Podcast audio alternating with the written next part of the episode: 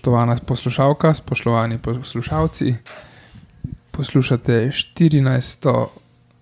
zasedanje, druženje, 14. nogometni antikvariat, v katerem bomo obdelali nogometno sezono 1934-1935, da se prpet, ker spet bo en tak bumpy ride v tem začetnem obdobju nogometa, se mi zdi, da neč ni bilo tako, kot si pričakoval.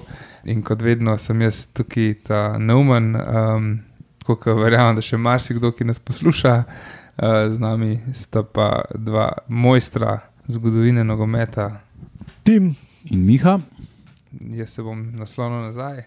Tle, da se težko, ker nimaš naslonjača. Nihi, poslušalci ne vejo, da se ne moramo nasloniti. Uh, jaz sem naslonil nazaj. Uživite. Ja, začeli bomo z v bistvu največjim nogometnim dogodkom leta 1934, ki se je zgodil ravno na polovici leta in sicer drugo svetovno prvenstvo v nogometu. To bomo mi sicer zelo hitro šli skozi, samo moment ga moramo, ker je pač bil v naši soseščini, praktično na naši meji v Italiji. In ker je zaradi tega svetovnega prvenstva pol tudi brazilska reprezentanca uh, prišla igrati v Jugoslavijo, dve prijateljske tekme, ker je zelo zgodaj izpadla in je pač šla še na mini turnajico po Zagrebu in Beogradu. In se je za trenutek zglasila tudi v Rakeku, kjer je bila jugoslovansko-italijanska um, meja takrat. Eh, drugače pa to prvenstvo je bolj ali manj bilo promocija fašizma, promocija Mussolinija, um, promocija italijanskega nacionalizma. To je bil en najbolj političnih športnih tekmovanj um, v zgodovini človeštva, čeprav so vsa zelo politična, ampak ta je bil pa še ekstremno političen. Olimpijske igre v Berlinu so bile. Tudi, ja, ja, tudi, tudi pa recimo svetovno prvenstvo 78 v Argentini, ki je bilo maska za brutalen režim. Tako da, ja. reč, da glede na to, kaj se zadnje cajtke dogaja, bo Italijani malo spet, kakšno so na prvem mestu gostili. Zna biti malo pogrešajo stare dobre čase, ko so jim sodniki zrihtali titule brez problema. Mm. Um, Jugoslavija se namreč ni uvrstila na to prvenstvo. To prvenstvo je bilo prvo, za katerega se je bilo treba dejansko kvalificirati, če nisi bil domačin. Ne? Ja, in tudi naštemali so kvalifikacije, tako če pogledate pare, da si v bistvu vedel, kdo bo igral. Je bila Jugoslavija skoraj edina ki je imela resne nasprotnike. Ja, na shodu.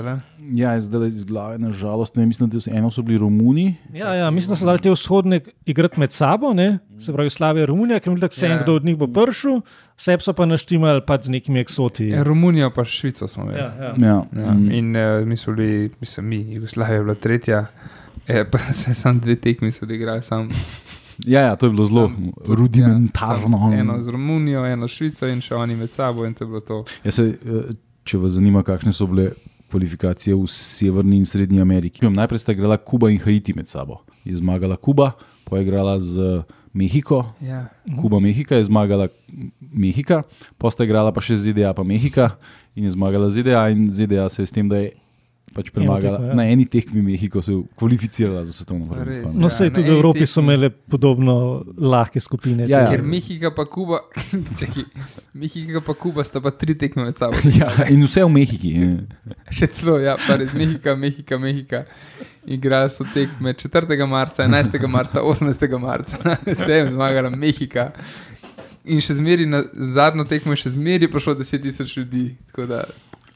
Meksikanci so bili že takrat. Kdo je pa sodo tekmo? Američan, vse tri tekme so do Američana, ne se hecati. No. Je pa v Evropi videl, da je igrala tudi Svobodna irska država.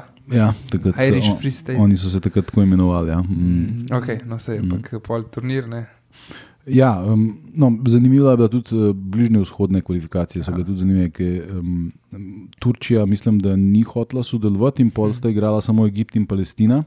S tem, da za Palestino so takrat igrali samo Židije oziroma bodoči Izraelci. Um, in je, mislim, da je Egipt zmagal in se pač uvrstil iz bližnje vzhodne skupine na. na Um, svetovno prvenstvo. Svetovno prvenstvo je bilo pa tudi tako, da je bilo v bistvu osmina finala, že takoj, 16 ekip, osmina mm -hmm. finala, mm -hmm eh, unike izpadejo, gre domov. Med njimi, tako, tako da to se je začelo že 27. maja 1934. Ja. In Brazilija je tako izpadla, in um, ker pol je pač bila glih v Evropi, pa je imela še nekaj časa, preden gre tam, je šla še na turnajo v Jugoslavijo. in je igrala z uh, jugoslovansko reprezentanco v Beogradu, potem pa še z uh, nogometnim klubom Građanski, se pravi predhodnikom Dinama, pa v Zagrebu. Zdaj za to zagrebsko tekmo nisem čez jihar, a so jo oni reklamirali kot klubsko tekmo ali kot. Da, da je to kao reprezentanca Zagreba, to zdaj le iz glave, žal ne vem. Ampak pač posledica tega svetovnega prvenstva je bila, da je br brazilski nogomet prvič prišel tudi v Jugoslavijo. In na slovenska tla. Ne? Tako je, tako je. Že davno pred Markosom Tavarešom so Brazilci stopili na slovenska tla. Zdaj bom jaz le prebral en uh, krajši člančič na to temo. Reprezentanca Brazilije, ki igra v nedeljo v Beogradu, je Davi prispela na Rakek, kjer jo je v imenu JNS pozdravil predsednik ZNP Berger, ki se bo z njo pogodil še za morebitno gostovanje Brazilcev v Zagrebu. V Beogradu pripravljajo američanom svečan sprejem postava naše enajsterice je nekoliko spremenjena, skratka, potlej našteva reprezentanco Jugoslavije, to ne bom več bral. Um, polje pa še na koncu, pa Brazilija potuje od nas v Švico in v Francijo. Spravo, oni so pa res celo turnajo iz tega naredili. So bili že tle, zdaj da igraš samo eno tekmo, pa greš tam je malo brez veze. Ja, se pa, ko smo se prej pogovarjali, mm. off the record, ne, on, mm. njih je ladja verjetno propeljala. Definitivno, ja. Preden so me zmenili za nazaj, je verjetno malo trajalo. Oni so mogoče računali, da bojo prvaki, ne, pa so imeli ladjo rezervirano šele po finalu, ja, ja. ampak so računali brez Mussolinija. Mm, kdo jih je izločil, sploh Španci, Španija. Ja. Ampak Španijo je pa potem, mislim, da Italija izločila. Italija je izločila. Pa Italija je pa izločila še Avstrijo, Avstrijo po finalu, po finalu Češko-Slovaške. In čisto vse tri tekme so bile izredno sporne, kar se sodniških odločitev tiče. Tako da, po moje, če bi imel var. In en od teh uh, sodnikov, ki je sodel, mislim, da ne ima tekmo s Španijo ali z Avstrijo, uh, so ga podu domači državi, ne vem zdaj točno iz kere države je bil, so ga, švicar, mislim, da je bil švicar, so ga to kritizirali, da je pol njih usoditi. Zaradi tega. Mm. Um, pa tudi tu šved, ki je sodel finale, um, je večer prej imel večerjo z Mussolinijem in tako naprej. Skratka, Mussolini je videl. Na ključje. No? Ja, ja, mislim. Pač, na, in ko so prednost so dobili pokal Žila Rimeja, ne, ki je bil pokal uradni za naslov prvaka, so dobili še Dučejev, kopa del Duče, oj, oj. ki je bil mnogo večji od tega pokala. bil life size. Tako da ja. Njegov... Duče v eno proti eno. Um, tako da, ja, mislim, da um, nažalost je bilo to pa vedno manj in manj smešno, ne, ampak um, ja. zdaj pa mogoče, če mi preidemo na uh, domače teme. Uh -huh. Um, namreč um, prva nogometna tekma na Bežigrajskem stadionu je bila pa tudi odigrana v času svetovnega prvenstva v Italiji 34. Ja, ja, to je v bistvu starše od prejšnje sezone. To je bila odločilna tekma za naslov prvaka LNP, sezoni 33-34 igrala se je pa prvič na novem stadionu, s tem, da Ilirija je bila kot ne pol leta brez domačega terena, ker je že jesen ostala brez svojega starega igrišča ob celovški, se pravi jesen 33. Zadnjo tekmo je pa odigrala proti Avstriji iz celovca. Iz celovca, ne na celovški. A ja, a ja. pa, to je bila dejansko zadnja tekma na famoznem stadionu Ilirije. Ne? Reklamirana je bila kot zadnja, kot poslovilna, ne pa so pa še neki igrali. To pa poslavljanje je trajalo, mislim, malo dlje, kot so najprej navrali. Najprej odkud so samo v notranjih igriščih porušili. Aha, je bil postopek. Ja, pa, pa še je trajal. Ja, tlele imamo mesec. 4-4 je bilo z Avstrijo. No, in zanimivo, 4-4 je bilo tudi uh, z železničarjem iz Maribora na prvi tekmi v, v, na Bežigrajskem stadionu. Tlele bom jaz uvodnik prebral. Ljubljansko občinstvo naj pa dokaže, da zna ceniti trud in napor svojih ilirijanov. Zato naj prihiti v velikem številu na stadion, stadion je namreč veliko, ker se je takrat tako imenoval, ne? In naj s temperamentom podpre igralce v tem velikem boju. Ta dan pa se nam namreč prvič odpre tudi veliki stadion, ki nudi novo urejen in pozantno sliko požrtvovalnega sportnega dela, ki je zgovoren dokaz, česa so zmožne mrljive sportne roke, ko so zgradile enega največjih sportnih igrišč v državi. Tudi v tem pogledu prednjači Ljubljana, tudi v tem pogledu moramo čestitati Iliriji in vsem onim, katerih zasluga je pridobitev tega novega športnega žarišča. Zdaj, um, to je bilo malo komplicirano. ne. Ta stadion so Orli postavili že nekaj deset let prej. Ne. Potem je en dolg čas trajal, da so najprej bil lesen, pa so ga počasi zidali, pa je vse plečnik pridružil temu projektu, in potem so, je ta jugoslovanski režim Orle prepovedal, tako da je ta klerikalna stranka ljudska, ki je imela Orle čez. Iskala pač eh, neke druge športne klube, na katere bi se napopala, in je najdla Ilirijo. Problem je bil, ker je bil Stanko Blodek pač antiklerikalc po prepričanju. Ne? Tako da je bil to en tak aranžma, v katerem so se skupaj znašli ljudje, ki politično res niso pasali skupaj. Pa mislim, da je bilo tako, da so bili vsi um, dogovori dosti ustni na začetku, pa na koncu sploh se ni vedel točno, kdo On je, dolžen. on je pa v bistvu osebno eh, svoj denar vložil v to, da je v ta stadion zrihtu za igranje nogometa in pač tudi drugih športov. Te, ki so bili pa dejansko lastniki, bi mu mogli to povrniti, ampak on pač se ni potrudil, da bi kakšno pogodbo podpisal, tako da na koncu ni nič dobil za to. Pol pa še, pol so se pa še skregali, ker so pač oni pa ustrajali, da mora biti Ilirija eh, pač nekako reklamni pano njihove stranke, ne? te ljudske stranke od gospoda Korošca. Ne? Kar pa mm, bolj ali manj noben od Ilirijanov ni bil za, ne samo Blaudak, ne? tako da je pol do konca leta ta aranžma propadel. Tako da Ilirija je na um, stadionu za Bežigradom igrala od um, začetka junija. Eh, 1934 pa do decembra 1934 in to je bilo to. Ne. Kdaj je bil pa um stadion, ki je pa nasprot, na drugi strani ceste? Ja, ta je bil pa že od leta, kdaj, kdaj ga je Primorje postavilo? Od 22. ali Ja, kdaj, ja, ne? takrat je. Aha, se pravi, sta bila neki ceta oba istočasno? Ja, s tem, da un, ta za Bežigradom ga pol noben ni vzdrževal, pa noben ni ga uporabljal za, za nogomet več po letu 34. Ja, ne. koliko manj en let sta bila v bistvu. Ja, pol leta v bistvu. Pol leta ne, je bilo, pol ja. leta je bil samo v uporabi. Um, no, um, prvi gol na, na Bežigradskem stadionu, zdaj na uradni tekmi, ne, mm, je dal um, kdo že, en Mariborčan. Ne. Mislim, da je dal Efer, a ga je dal. Tako je, um, Roman Efrel. Ja, ja. Um, Si kaj našel o njem? Um, nisem niti tiskal, sem, sem čisto pozabil. Računal sem, da boš ti kaj najdel. Skratka, ne vemo nič o Romanu Eferlu, ampak to je človek, ki je dal prvi gol za Bežigrad. Ja, igral železničar. Ja. Tako je. Eh, Prvega za, za, za poštene ljudi, da je pa. A je bil Uh, Jug? Jug, ja. Ja, je bil, ne? to je pa Ja. Franc Jug. Ne? Mhm. Jug pa poštenje. No. Skratka, ta tekma se je končala s 4 proti 4, uh, zbrali se je pa enih 2000 gledalcev. Ne? Ja, kot kje piše, tle je 1500, mislim, da v, v, tam pa 2000. Ja, Ja, tako da lahko si predstavljate, da to ni izgledalo zelo impozantno na, na tistem ogromnem stadionu. Mm, No, Ja, vemo, kako to zgleda.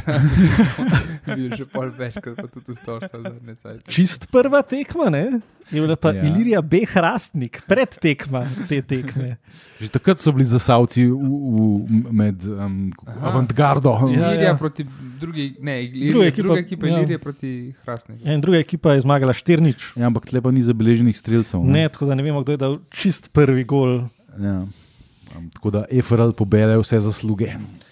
Je pa še bolj zanimivo, to sem gledal zaradi Hrastnika, čist mi grede, ker letos praznuje Hrastnik 100 let in očitno je tudi tle.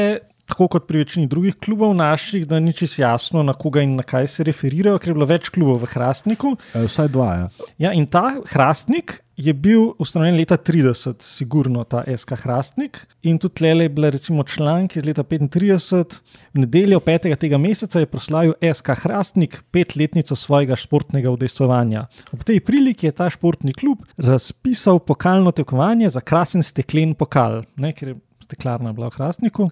Ja. Tekmovanja so se med drugim udeležili tudi trbovski klubi SK Trbovle, SK Dobrna in SK Rudar. Kot Kot- trbovski klubi, kot trije.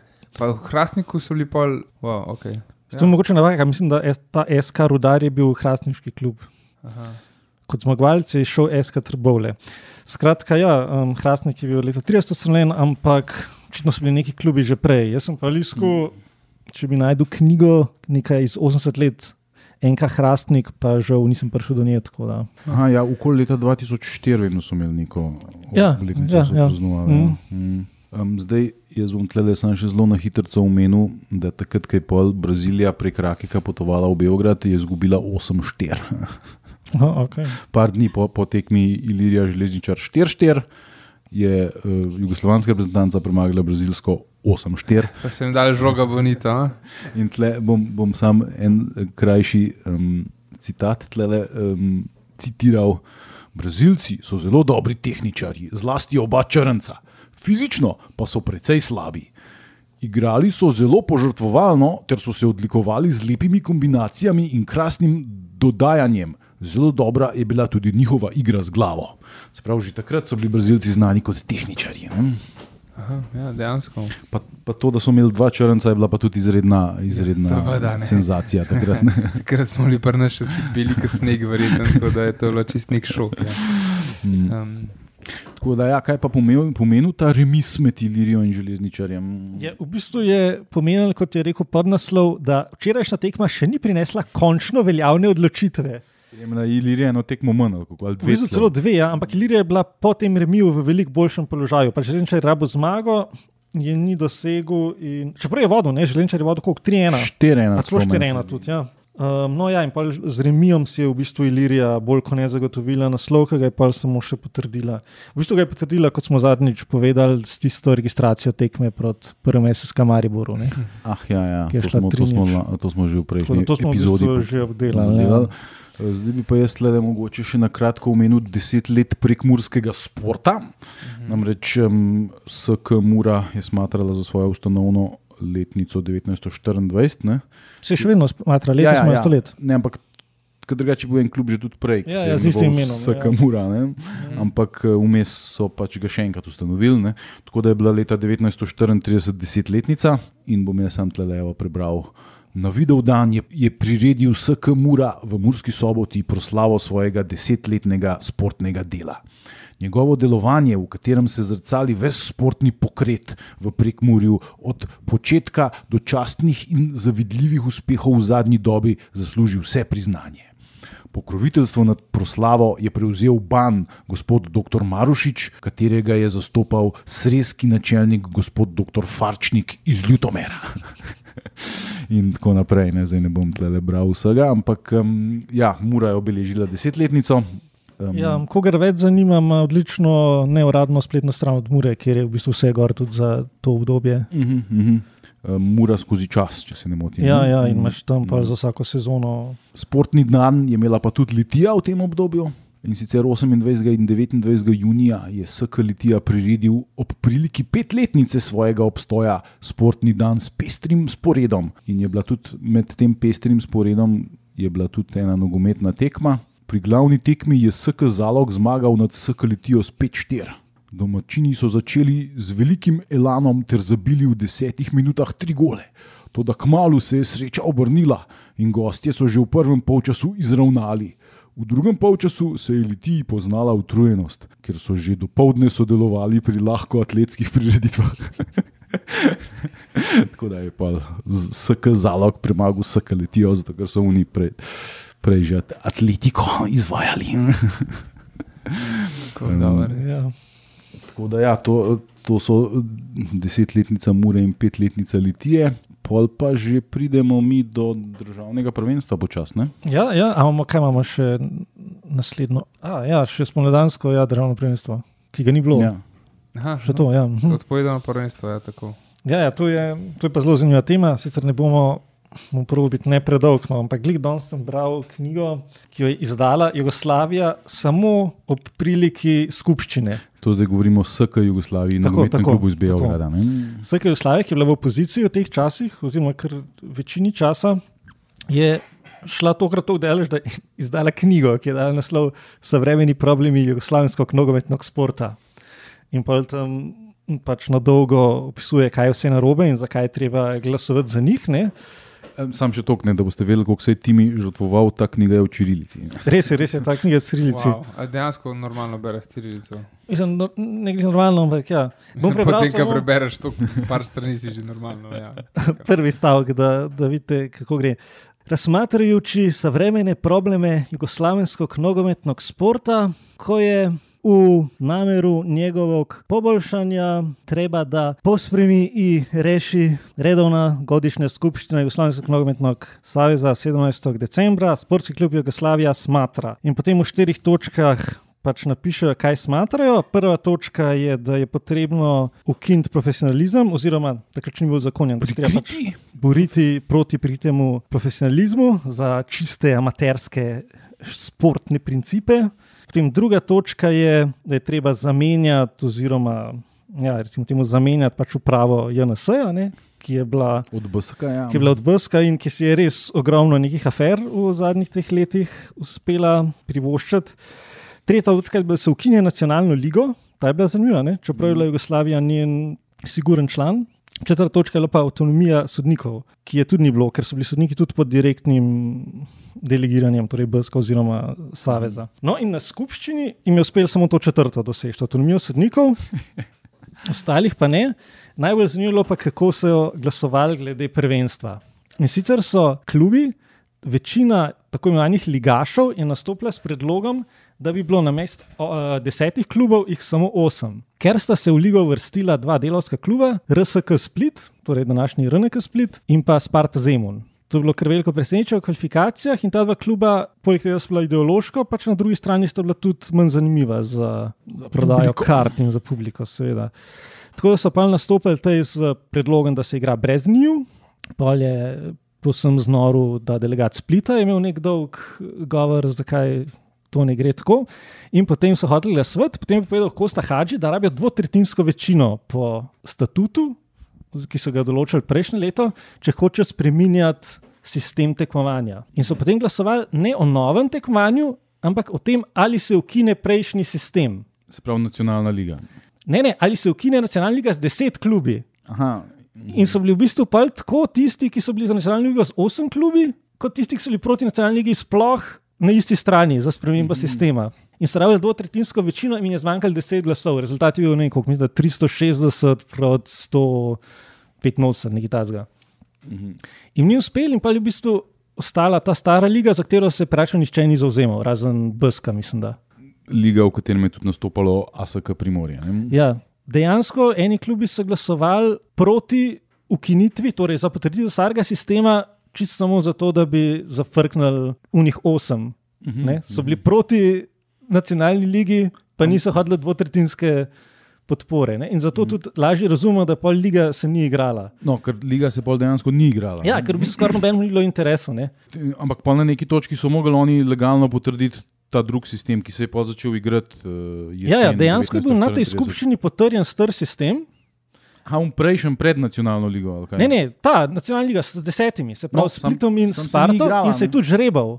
Aha, aha. Je bil že vse pripravljen, pa so pa Hrvati izstopili. Aha. Hrvaški klubi so pa izstopili, da pač ne bodo sodelovali. Uh, en od razlogov je, bil, je bila pa tudi afera egipatska. Ja, hkrati je v tem istem času bila pa tako imenovana egipatska, se pravi, egiptovska afera, kjer je pa Busk gostoval v Egiptu. In je potem prišlo ven s pomočjo športnih novinarjev, zlasti Gazete Delo Sport, pa nekih hrvaških, da je Brsk nastopil v Egiptu kot Jugoslavija, kot jugoslavijska reprezentanca. In da so imeli tudi pogodbe ne, z Egiptovsko zvezo, kjer je bilo pač to določeno, da bodo nastopili kot reprezentanca, in potem so ljudje znoreli in so krivili zvezo. No, šlo je tudi za to, da so dobili 1500. Ja, egiptovskih funtov. To so lep denar, ja, ja 1200 ali koliko je ja, egiptovskih funtov, ki so bili enako vredni kot angliški funti. Se pravi, uh, dosta velik denar za tisti čas. In zveza je pa potem trdila, čeprav so bili isti ljudje v zvezi, pa v Bsku, je zveza trdila, da kot nič ne ve o tem in da je Bsk kriv in je dala Bsku neko smešno finančno kazen, torej sama sebi, ki je verjetno odbila od tistih. Ja, egiptovskih. To je bil en od razlogov, zakaj so bili Hrvati užaljeni. Ne? Ja, ja. Mm. In pa je celo šlo tako daleč, da je, to je bilo, mislim, pa malo kasneje. Ja, junija, junija 34, po vseh teh aferah in izrednih skupščinah, in to je minister razrešil celotno upravo Jugoslavijske zveze in nastavil svoje ljudi. V bistvu mm. prisilil, da so dali kolektivno stavko vsi. Mm -hmm. ja. ja, Medtem hkrati so pa tudi potrdili nov sistem. Po ligah, ki je bil v bistvu nekakšen kompromis. Ja, to so zdaj po ligah, pomeni po skupinah. Ne? Tako. To je v bistvu sistem, če se spomnite, ki se je igral že v letih 31 in 32. Ja, mislim, da imaš grupo z približno 4 klubi, v kažnih ja. 5. Um, no, pri nas je bila skupina s 4 klubi na koncu, Ilirija, Primorje. Građanski in Hašk, ja. se pravi, dva kluba iz Zagreba in dva kluba iz Ljubljana. S tem, da treba je lepo povedati to, ne, da takrat se je ta del po teh ligah, po skupinah igral kot zaključek Jugoslavijskega prvenstva, tokrat se je pa igral kot bi rekel apertura. Ja, kot izbor za nacionalno ligo. Ja, kot jesenski ne. del, kot izbor za. Tisti, ki zmagajo, se uvrstijo v nacionalno Naprej, ligo. ja. Čeprav so nacionalno ligo že prejšnji let igrali, pa so že eni klubi Ja, ja. izpadali, ampak Ja, v bistvu nove kvalifikacije so naredili za. ja, eh, tabula rasa. Ja, se pravi, leta 34 ni bilo državnega prvenstva, ampak samo kvalifikacije za naslednjo prvenstvo. Tako, tako. In glej ga zlomka, pri morju je šlo odlično. Mm. Ja, v bistvu presenetljivo. Ne? Ja, v, bistvu obema ljubljanskima kluboma je šlo v konkurenci z Zagrebšima kluba zelo dobro. Liga je bila izjemno izenačena, mislim, da so skoraj vsi domače tekme zmagali, oziroma zelo tako je bilo. Ja, ja. In tudi um, v, v okviru te lige štirih ne, je bil tudi prvič ljubljanski derbi med Ilirijo in Primorjem na Bežigrajskem stadionu. Ja. In to je, bil en, to je bila takrat zelo velika stvar. Ampak jaz bi še prej omenil, tle, da je Ilirija med drugim, med drugim premagala tudi građanski doma, Ja, ne, ja. kar je bila velika stvar, z dva proti nič. Sicer Iliriji pa kasneje to ni kaj dosti koristil, ker je bila zadnja v grupi. ja, ampak je bila blizu. Ja, vsi so bili zelo, so bili blizu, minimalne razlike so bile. Ja. Mm. Zdaj bom pa jaz prebral tle malo o najavo o tem ljubljanskem derbiju. Po velikih uspehih proti zagrebškim ligašema Hašku in Građanskemu, po katerih sta zasedla naša predstavnika častno prvo in drugo mesto v tabeli naše skupine, se sestaneta v nedeljo v stadionu, končno med seboj, da se na zelenem polju pomenita, komu gre prvo mesto v slovenskem nogometu. Naša javnost je skoraj dve leti nestrpno čakala na srečanje obeh večnih rivalov, ki sta se ves ta čas z menjajočimi uspehi borila za zelenimi mizami, pri delu na igrišču pa jih ni videla. Zato ni prav nič čudno, da vlada za nedeljski derbi v Ljubljani, kakor tudi na deželi, ogromno zanimanje. V obeh taborih se mrzlično pripravljajo za nedeljsko srečanje. Kibici imajo te dni polne roke dela, da spravijo na igrišče vse, kar leze in gre, da zazigurajo svojim miljencem čim več moralne podpore, brez katere v takih bitkah nikakor ne gre. Po naših informacijah se pripravljajo iz vseh bližnjih krajev avtobusni izleti v Ljubljano, ker hočejo tudi naši državljani, pristaši nogometa in naših ligašev prisostvovati veliki borbi, ki bo v nedeljo v stadionu. In koliko je bilo pa gledalcev? Mislim, gledalcev je bilo 4000 na koncu, ampak so napisali, da je bilo rekordno. To napišejo skoraj vsako tekmo, kadar je veliko Ja. gledalcev. Rekordno, ob enem Ja. ja. pomeni tudi veliki. Tlele je še, še mar zagrijavanja za ta veliki derbi. Po razpoloženju, ki vlada zadnje dni v Ljubljani, bomo imeli jutri buren dan v stadionu. Vse kaže, da bo zelo živahno. Menda ni še nikdar vladalo za, za kakšno nogometno tekmo toliko zanimanja, kakor za jutrišnji derbi. Vsa Ljubljana in z njo vsa bližnja in daljna okolica živi v mrzlični nervozi in nestrpno čaka velikega srečanja. Um, no, um, veliko srečanje se je pa skončalo z zmago Primorja 2 proti 1. Um, zbrali se je 4000 gledalcev, to je pomenilo, da je imelo Primorje že dve zmage, Ilirija eno zmago in en poraz. Um, evo, zdaj bom jaz sam še tlele na hitro Mičken o tem dirbiju prebral, pa, pa lahko gremo naprej. Današnji prvenstveni sport je obsegal šest tekem, med njimi dve, ki sta bili za našo peto skupino skoraj odločilnega pomena. In sicer srečanje obeh krajevnih nasprotnikov v Zagrebu in Ljubljani. Sportna Ljubljana in tudi dobršen del ostalih, ki mu je sicer nogomet deveta briga, že precej dolgo ni tako težko čakala nedelje kot današnjo. Saj je bilo od obstoja obeh ljubljanskih rivalov zmerom tako, da je derbi med njima dvignil na noge slehernega pristaša in še množice ostalih, ki so jih v zadnjih dnevih pred dogodkom okužile bučne razprave na zelenem polju in za kavarniškimi mizami, ter ne nazadnje tudi kričeči reklamni napisi po tisku in javnih prostorih. Današnji derbi je bil poleg prestižnega pomena tudi važen zaradi plasmana v vrstnem redu četvorice, ki v peti skupini sodeluje v izločilnih tekmah za državno prvenstvo in tako naprej. Skratka, mm, tale derbi je bil mogoče celo največji derbi teh dveh nasprotnikov po tistem iz leta 28, ki smo ga enkrat že zelo dolgo nazaj obdelali s Cankom, ko je Primorje prvič osvojilo titulo Ljubljanskega prvaka. Slovaka, ne, tisti, Mm. tisti je tudi. Je bila dodatna tekma. Ne? Ja, ti- tisti je bila tudi izredna histerija v Ljubljani glede te tekme. In mislim, da je bilo tle podoben, ne? da je, bilo res, eh, res, da je bil to res velik dogodek, kot bi se takrat reklo. Ne, Če kle so že imeli uh, reflektorje tudi? ne, ne. Aha, ne, ne ker vem, da tekma pod reflektorji že bila odigrana, pa sem mislil, da so kle tudi. Ne, ne, te reflektorji za Bežigrad so bili šele, mislim, da 76, 77, 78, da takrat enkrat. Mhm. te, do takrat eh, nikoli. hm. Mislim, da glih v tej sezoni ali pa naslednji se je v Beogradu odigrala prva tekma v nacionalni ligi pod reflektorji. A ja? Aha, do, do prej, prej so bile zmeraj neke prijateljske. tako, Ja, prej so samo za posebne priložnosti. Aha, ja, ja. Na teh manjših igriščih, ker na teh večjih, ki se je igrala ta nacionalna liga, je bilo tudi veliko težje postati reflektor. Seveda, višji so rabili biti, večjih je rabili biti. Ja, ja. Zdaj, če se spomnite, smo tudi, v, v, mislim, da v prejšnji epizodi omenjali eno množično gostovanje um, navijačev Primorja v Zagrebu. No, zdaj je bilo isto, ko je Primorje gostovalo pri Hašku, je bilo zanimanje blazno, um, enih 400 ljudi se je na koncu z vlakom odpravilo v Zagreb navijati za Primorje. Če se spomnite, takrat je, pol, takrat je tisti bila tekma s Concordijo in so zelo visoko izgubili, 5-0 ali nekaj takega. No, tokrat ni bilo tako, tokrat je um, Primorje izvleklo, mislim, da remi. V, Ja. v Zagrebu. In to je bilo odločilno, s tem 100 točko v bistvu so si zagotovili drug mest. Ja, ja. Tako da to je bila še ena zelo pomembna tekma. No, ampak na koncu uh, je bilo tako, da je Primorje osvojilo prvo mesto, kjer je izgubilo povratni derbi z Ilirijo. Recimo, ne. mm. Meni tle piše drugo, oba sta imela 7 točk s Haškom isto. ja, ja, Primorje je bilo drugo, točno. Ja, Ja, ja. Um, Haški je bil prvi, Primorje je bilo drugo, gol Građanski je bil, je bil tretji, uh, Ilirija pa četrta. Ja, Ja, na ja. koncu. Ja. Zanimivo je še to, ne? v ligi bi morali po propozicijah nastopiti osem najboljših klubov, prve dva iz te naše skupine, kaj je bilo to peta skupina ali kjer. Ja. In tretji vrščeni bi moral iti pa v dodatne kvalifikacije z drugo vrščenim iz, mislim, da splitsko-sarevske skupine. Mhm. In tam je en klub prehitil Hajduk. Mhm.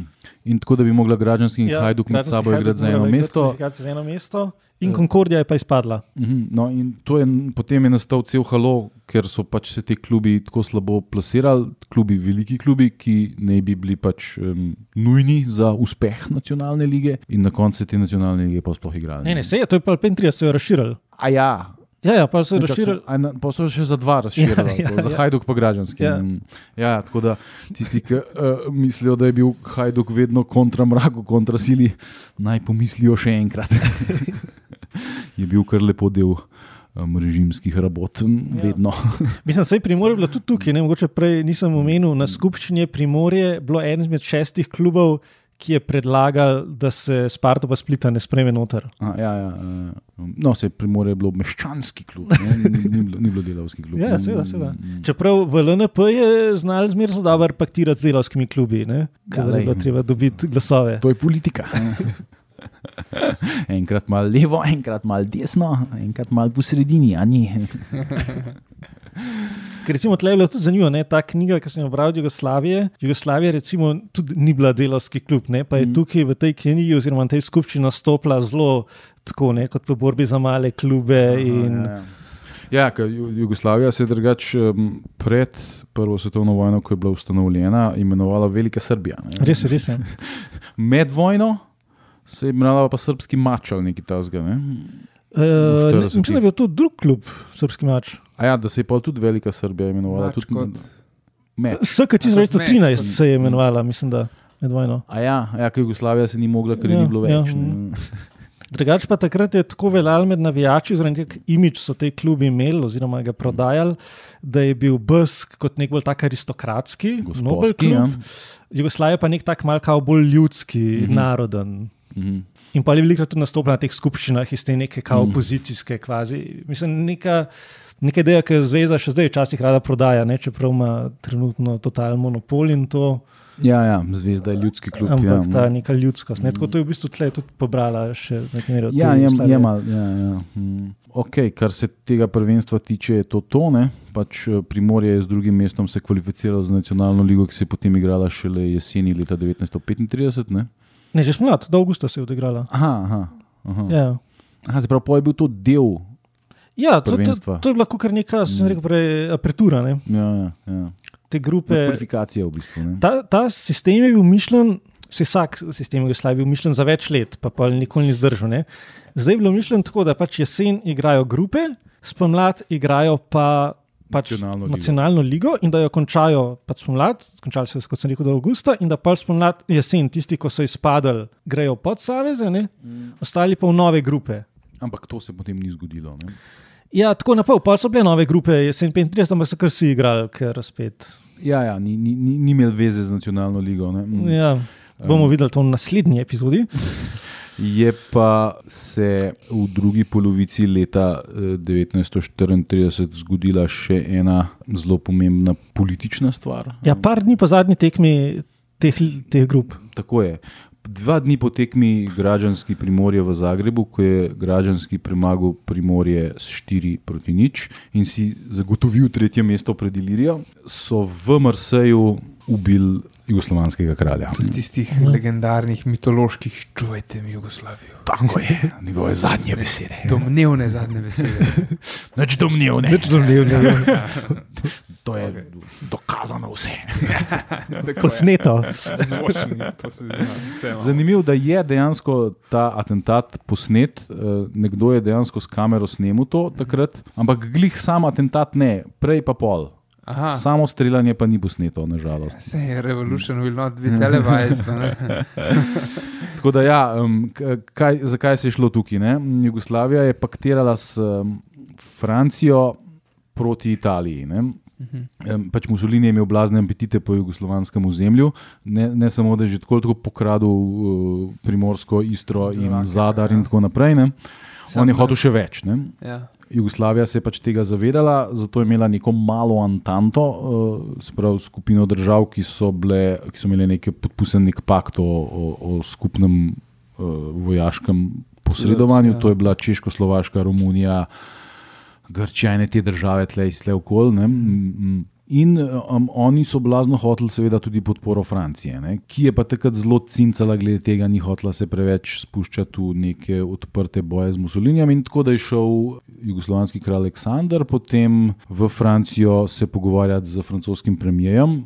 Um, in je prišel z ladjo v Marseille in um, se je pelil z avtom skupaj z francoskim premijejem po cestah Marseja proti pač tisti palači ali čemorkoli, kjer naj bi oni pa zdaj imeli s- sestank. Ne? In na poti je pristopil nek Bugarin in ga s šestimi streli, šest strelov je sprožil proti, um, proti avtu in v kralja ubil z enim od prvih strelov, ubil tudi francoskega premijeja. Ga- Pol, ki je začela policija na njega streljati, po nesreči ubila še, še enega pomembnega francoskega, ki je bil tam zraven, enega politika. Pa ene dve, tri žrtve smrtne so bile še med gledalci, pa eh, tega so pa, eh, mislim, da so ga nekako sablo pokončali, pa pa ne vem, je preživel ali so ga, ali, ali so ga ubili že takrat na licu mesta, ne vem točno, ampak to je bil pa nek, neko se že piše črnomor, Je nekaj, ja, neki črno neki, ki je bil je Bolgar, član te um, makedonske uh, teroristične. VMN, VMRO, ja. Te, recimo, temu separatistične organizacije, ki je hotela, da se pač Makedonija odcep od um, S Srbije in Jugoslavije in da se priključi Bolgariji. Ne. Dva njegova glavna sodelavca sta bila pa iz ustaškega gibanja um, Hrvaškega, ki ga je takrat seveda vodil kasneje zelo, zelo glasni Ante Pavelič, ki je bil takrat že v izgnanstvu v Italiji. Ne. Zdaj, največja verjetnost je, da je da je za tem atentatom v bistvu stal Mussolini, ne? prek Paveliča, pa prek tega VMRO-ja. ne. To je, to je nekako. Um, Takrat je v interesu pač kriza v Jugoslaviji. Zaradi, tako je. On je v bistvu Mm. računal, da bo zaradi tega Jugoslavija razpadla. Ne? Mm. No, to se ni zgodilo. Ne? Pač, eh, ta, Samo močnejša So jo čuvali, dobro. Ja, čuvali zelo so Jugoslavijo. Ne, pač ta um, jugoslovanska oblast je bila glih ene toliko občudovanja vredna kot Mussolini, ne, tako da, da ne bo imel kdo kakšne iluzije, ne, to so bili pač srpski nacionalisti. Um, zdaj ta, to je v bistvu ustaši proti četnikom, ne, tako da Ja, ja. pick your side, če vam je všeč to, mm, jaz ne Ne, izberem nobene ne, od te strani. Um, no, ampak le, veš, če Mm, italijani, ki si prej rekel, da so Mm. pokradli že pol Slovenije, Mm. že celo primorsko, ja, brez njih Brazilci nikoli ne bi na rake prišli. Tako da prebivalci rakeka so pa tukaj kar razdaljeni, verjetno. no. No, no, skecam, ampak ja. Kot je Miha rekel, nobena stranka ni bila. Ja, ja Dobra. pač eh, jugoslovanski režim je bil glih tako neapetitlih um, kot, uh, kot italijanski režim. No, ampak v športnem smislu so pa neke velike tekme organizirali ne, v spomin. Ja, pa velike manifestacije. Na kralja, ali kaj? Mhm. Prva stran jutra, dan po atentatu, na veliko piše jugoslovenskemu narodu s klicajem, in potem naš veliki kralj Aleksandar I. je padel 9. oktobra ob 4. popovdne v Marseju kot žrtev podlega atentata. Svojo krvjo je kralj mučeniško zapečatil delo za mir, radi katerega se je napotil v zavezniško Francijo. Na prestol kraljevine Jugoslavije je po 36. členu ustave stopil njegov prvorojeni sin, njegovo veličanstvo, kralj Petr II. Kraljeva vojska, vlada in mornarica so položili prisego zvestobe njegovemu veličanstvu, kralju Petru II. In tako naprej. Ne. Po je bil v bistvu nek knez Pavle ali neki tasga, je pol, Ja, v bistvu ja. bil regent nekaj časa. Ne. Aha, ki je bil pa še premlad. ne? Ja, ta je bil mladoleten. Ja. In je um, pač režim v bistvu ni kaj dosti se spremenil. ne. Klejo, že kle so pisali, ne, da njegove zadnje besede so: Ja, že- čuvajte Jugoslavijo. Tako je, s svojimi zadnjimi besedami, ki jih je blago pokojni kralj umirajoč, jedva izgovoril, je v svojem neizmernem rodoljubju zapustil našemu narodu tole sporočilo: Čuvajte Jugoslavijo. Noro. Kar je seveda zelo zanimivo, ker to so bili v bistvu vse velikosrbski nacionalisti. Ne? Ta Jugoslavija je v bistvu samo eufemizem za veliko Srbijo. Ne? To, Ja, to je treba razumeti. To ni, ne gre zdaj za. To ne gre niti. Enotnost med narodi. ne, Ja, ja, ja, ne. Oni so v bistvu imeli idejo, da smo mi vsi en narod ne? ja, ja. in da smo v bistvu vsi Srbi na nek način. Ne? Mm. Um, to je bila pač ta osnovna ideja te um, predvojne Jugoslavije. Ne? Tako da, um, Ja, pa ful mi všeč, se, ne vem, upam, bomo objavili tudi tole, lahko mogoče. lahko je. ja. Ampak uh, tale spacing na tem članku je nevreten. tako. En, en, en stavek in pol je naslednji, je ena vrsta, in pol naslednja vrsta je samo ena beseda. In spet en stavek, cela vrsta, pa zadnja beseda je v naslednji vrsti. Tako, kaj? Ja, ja, to je bilo pač Ja. Za impact. To so bili po ne. mojem ti zgodni časi Microsofta, ki vrši ni, uh, ni dober tega dela leta 34. Um, no, in potem je bilo pač treba, seveda, tudi sportaši so mogli. Uh, Hotel. Ja, ja, ne, ne, to je bilo vse prostovoljno in spontano, vsi, vsi so umirali od ljubezni do kralja in, in um, četniške diktature. sploh, sploh te, glede na to, da je bilo veliko uh, članov ASK Primorja uh, učlanjenih v prepovedano komunistično partijo, so še posebej goreli po, od ljubezni do, do, do kralja. No, ampak ene, dva tedna kasneje ne, hm, je bila manifestacija športnikov na Primorju, se pravi na stadionu Primorja. Tukaj, ne. Nedeljska žalna manifestacija bo v Ljubljani na igrišču Primorja. Velike priprave za dostojno izvedbo manifestacije po vseh središčih naše države. Poročali smo že o pripravah za nedeljski spored, ki bo identičen v vseh sportnih središčih naše države. Razumljivo je, da tudi sportniki Dravske banovine ne marajo zaostajati, pa imamo vesti zlasti iz našega podeželja, da se tamkajšnji sportniki pripravljajo z naravno zginljivo skrbnostjo na nedeljsko zaobljubo. No, um, 20 tisoč športnikov, oziroma predvsem nogometašev, ne, po vsej Jugoslaviji se je moglo udeležiti pač teh pasjih procesij, kjer je bilo, so bili pa blazni govori o tem, Seveda, ja. ka, kakšen velik človek je bil naš blago pokojni kralj in tako naprej. In pač tale dogodek je imel pol eh, dr. Kestel, to je bil predsednik Ljubljanske nogometne podzveze, se pravi.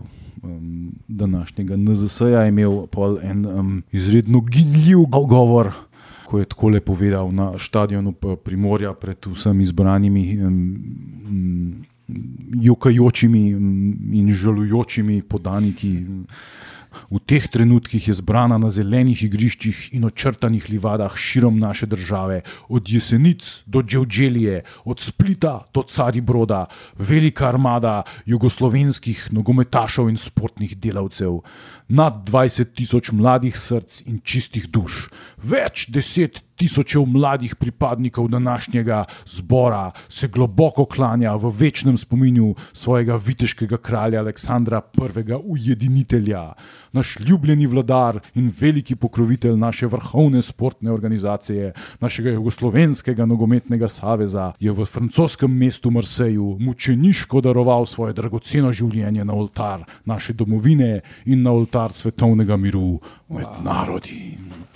To je, bil, to je med Ja. drugim povedal dr. Kestel, ganjenim nogometašom, ki so potem igrali še tekmo med sabo. Ilirija in Primorje sta igrala en derbi in sta, mislim, da so se rešila z rezultatom bilo v 3-3. okviru Ne, to je- to je bilo samo Ne, ja, pač to je bilo, to je bilo počest, počastitev. s tem so kr- v bistvu ja, počastili ja, kralja. Ne. So pa se pač vsi klubi so se mogli tle zglasiti. Ne, tako da um, pol kasneje pač igral, igrala sta sam, je sam 22 igralcev, ampak vsi igralci vseh klubov so pa So mogli biti tam. Ne. Ja, v LNP. Ne. Uh, ja, ja, pač Ja, to, je bilo, za- to je bilo, mislim, da za Ljubljano, pa v celu je bilo Ja, drugo. v vsakem mestu Mariboru je bilo drugo, ne, vsi v vsakem mestu Ja, ja, ja. so bili Cari Broda. Kje, je sploh Cari Brod? Kaj je to? To je eno staro ime za en kraj, če se ne motim. Ja. Ja, jaz ne vem. Wow, aha, okay, noro, ja. Mislim, Cari grad ni. Ne. Ne, ne, ne, da ne. Mm, Ja, to je to, kar se tega tiče. Zdaj, Čekaj, kdaj je bilo že to datumsko, smo rekli? Um, To je bilo oktober 1934. Aha, seveda, ja, tako se Caribrod je, Zdaj- Caribrod je na meji um, srpski, srpski kraj, Dimitrovgrad je to zdaj. Aha, Dimitrov. Aha, na meji Ja. z kva, Romunijo. s čim? Um, ja, z Bolgarijo, Aha, aha. ja. čez dol, jugo, vzhodno. Ja, ja, Ja, ja. tako, no, tam je Caribrod. Um, ti si hotel še o igriščih kaj povedati, kaj ne? Uf, ja, um, mislim, predvsem o celi sezoni LNP, katere ena izmed glavnih značilnosti je tudi cel kup novih igrišč. Um, ker vemo, na tem področju je bil ljubljanski oziroma slovenski nogomet, predvsem pa ljubljanski, res v bistvu dokaj, dokaj šloh. Podhranjen. Podhranjen, ja. Ampak, Ampak, ampak s to sezono se je vse spremenilo. Ne? Prej smo imeli tri regularna igrišča, se pravi Hermes, Ilirija in Primorje, pa še Koroten ima svoje igrišče, mehko, kot smo povedali zadnjič na Rakovniku. Ampak je. večino tega se je igralo na prvih treh omenjenih. Ne vem, a a se na Rakovniku niti ni smel, ali oni niso hoteli, ker je bil to pač nek tak bolj zaprt klub. Ampak. Um, Salezijanci. Ja, tako da pač, ja, bilo je klubov je bilo veliko, veliko tekem vsak, uh, vsak vikend in tri igre so res zelo premalo. Tokrat se je pa kar tri, tri nova igrišča so se otvorila v tej sezoni, kjer je bil v bistvu prvi, da gremo časovno po vrsti. Um, veš? ja, en od teh igrišč um, je? Slovanov je bil tudi v povezavi z desetletnico kluba. Ne? Tudi, tudi. Ki je takrat očitno smatral let, de, svojo ustanovno letnico 1914. ne. ja, ja, ja. Um, prva je bila Reka. Mhm. To je bil viški klub. Ne? Ja, in sicer so igrali kvalifikacije za to sezono, se pravi za sezono 34-35. Kvalifikacijska tekma z domžalami je bila. Za drugi razred. ali Z ne? rumeno družino. um, Ja, ja, se, se takrat celo v Domžalah celo dva kluba. se ja, disk in domžale. Disk je to obdobje. direktni ne. predhodnik, ampak sta se združila, tako da oba sta se predhodnika. razdružila. ne. Ja, ja, tako nekako. Ja. No, in tako le piše, mislim, da jutro. Agilnost viških rečanov, rečanov je dala Ljubljani četrto igrišče. To je tudi nešteje, rakovnika, očitno. Sicer je še primitivno in za večje prireditve neprimerno, za lastno porabo in za manjše sportne potrebe bo pa kar pripravno. Leži nekoliko stran od Tržaške ceste, ima regularne dimenzije 105 x 65 metrov in čeprav ni ograjeno, se da vstop na igrišče kontrolirati. Velika zasluga požrtvalnega predsednika reke, tovarnarja Zalokarja, je, da je reki odslej zagotovljen nemoten razvoj brez odvisnosti od tujih igrišč. Nekaj sta prispevali tudi Viška občina in Banovina. Zdaj, rekel, kje je ta ime? To ime je zaradi Rijeke, ne? Rijeke, ki je bila takrat, je bila takrat pod Italijo. Ja, Ja, ja. Tako kot se Aha, Primorje tako imenuje, Primorje, Primorje ja, zaradi ja. izgubljene domovine je bilo tudi to. Ne. Pa Jadran, recimo, se je na, v Trnovo imenoval tudi zaradi tega. no. Pa, pa na tak, a ne na tak. Zdaj, eh, lokacija. Ne? Ja, lokacija, to smo že omenjali v enem od prejšnjih podcastov. To je bilo pri Milarni. Tako, to je bilo za Milarno, nekoliko stran od Tržajske ceste, kot tukaj piše nasprot tovarne Golob. Uh, to je Sprav, to je tam, kjer so. kasnejša žičnica, podjetje, zdaj pa prvem bližnjem tam knjižnica. Sej, glih to sem hotel reči, Kniziča Vič je tam. ne? Ja, ja, ja. ja. Pri Žihovoran, se pravi, tam je bilo nekje igrišče. Ne? Tam nekje, Tam nekje ja. biti, ja. Točno ne vemo, ampak tam nekje. Mislim, da so tudi neke slike. Ne? Tako Da, Ja, se koliko koliko je bilo v uporabi, je bilo verjetno do vojne. Naselje. mislim, da je bilo uporabi do Ja, vojne, skoraj, ja, ja, oziroma še Zdaj tam vse let manj mogoče. Ja. Takrat so Ja. pa, so pa med polčasom Merkator skočili po sediče. ja, ja. Pa izotonične napitke, tam na Merkatorju še ni bilo. Uh, tako da, ja, rečani so eh, zmagali 3-1 in so se skupnim rezultatom 11-4 kvalificirali za finalna tekmovanja v drugem razredu. Že takrat so žabari vkrali proti bogi rumeni družini pošteni. Ja, za 11-4 so kar precej krast. Ja, le, obvladamo. No, in pa je reka dejansko prišla do finala teh drugorazrednih klubov, kjer je igrala Svoboda Maribor in morda nekoliko presenetljivo visoko izgubila v Mariboru 5-2. Doma sicer zmagala 2-1, ampak s skupnim rezultatom 6-4 Sprav Svoboda Maribor se dejansko potem se uvrstila je v to. kvalificirala v prvenstvo LNP. Uh, Tadam. Tadam, ja. No, ampak predtem še druga igrišča. Evo, tale, mogoče še najpomembnejši za, za danes, glede na to, da ta klub še obstaja. Sicer Slovano igrišče. Mhm, 20-letnica, ja, prej sem jaz rekel 10-letnica, se Ja, upravičujem. v zeleni jami. A v Ja. zeleni jami. Ja. Ja. Pravi, ampak to je predhodnik. Mislim, To je ta Slovan, pač ja. Trenutni slovan, to je ta slovan. Mislim, pravno definitivno No, Pravno ne, ne, ampak ampak predstavljamo ni nekaj duhovno pa. prav ne, zelo no. spornega. Ja. Mm. Takole piše eden izmed teh časopisov, mislim, da jutro spet. V izredno domače, prijetnem kraju si je SK Slovan zgradil svoje igrišče, ki je stisnjeno med kolinsko tovarno in tovarno za klej. Nogometni četverokot ima pravilne dimenzije, je izborno splaniran, tako da omogoča nogometnim tehničarjem, da pridejo do prave veljave, a prostora je dovolj še za druge sportne naprave. Okoli nogometnega igrišča se vije lahko atletska elipsa. Upajmo, da bo Slovan v svoji 20-letnici v obilni meri izkoristil tudi z njo in se vrstil med naše lahko atletske klube. Aha, Zdaj, tle je Slovan v bistvu vratu um, nekako moščanski klub. Ne? Ja, ja. Predtem pač nikoli ni bil na noben način povezan z mostami. Ne? Drugače sem tudi bral tam v tej knjigi od Slovana, mislim, da piše, da z Ljubljanske ulice je bil vhod in tam tudi piše, ja, tle, da je bil stisnjen med kolinsko tovarno in pa to drugo tovarno za klej ne, in da je zelo zasmejevala ta tovarna za klej. Um, to igrišče. Ne. Zato mi je zabavno, da je jutro začel v izredno domače, prijetnem okolju. Ampak, okay, Ja. ja. to si pa predstavljam, približno, kje bi to bilo. Mm. -hmm. Takrat je železnica je že bila, kolinska tovarna je bila tam, kjer je zdaj, tako da to moglo biti tam zadnji nekje. Ja, za ta stadion, se- mislim, igrišče se točno ve, kje je bilo. Mm, Je pa pač nogometno moštvo SK Slovana na tem igrišču pol igralo vsega kakšne štiri leta, ne, ker so potem ukinili. Ja, ukinuli so nogometno sekcijo, ko so prišli v krizo, konc Mm, 30, ja. ja. mislim, okrog 38. Ja. 38. Ja. A so uvedli smučarsko sekcijo Je-. Je pa pol igral na tem igrišču pa ta um, nek um, katoliški klub. Ne? Mislim, da je Mars igral, aj tudi katoliški klub igral. Um, Ne. več klubov si je pa najemal ta igrišče. Um, mislim, med vojno je mislim, da E, je bila med, vojno, Mladika. med vojno je pa mladika igrala, A prej pa ne. prej pa Mars.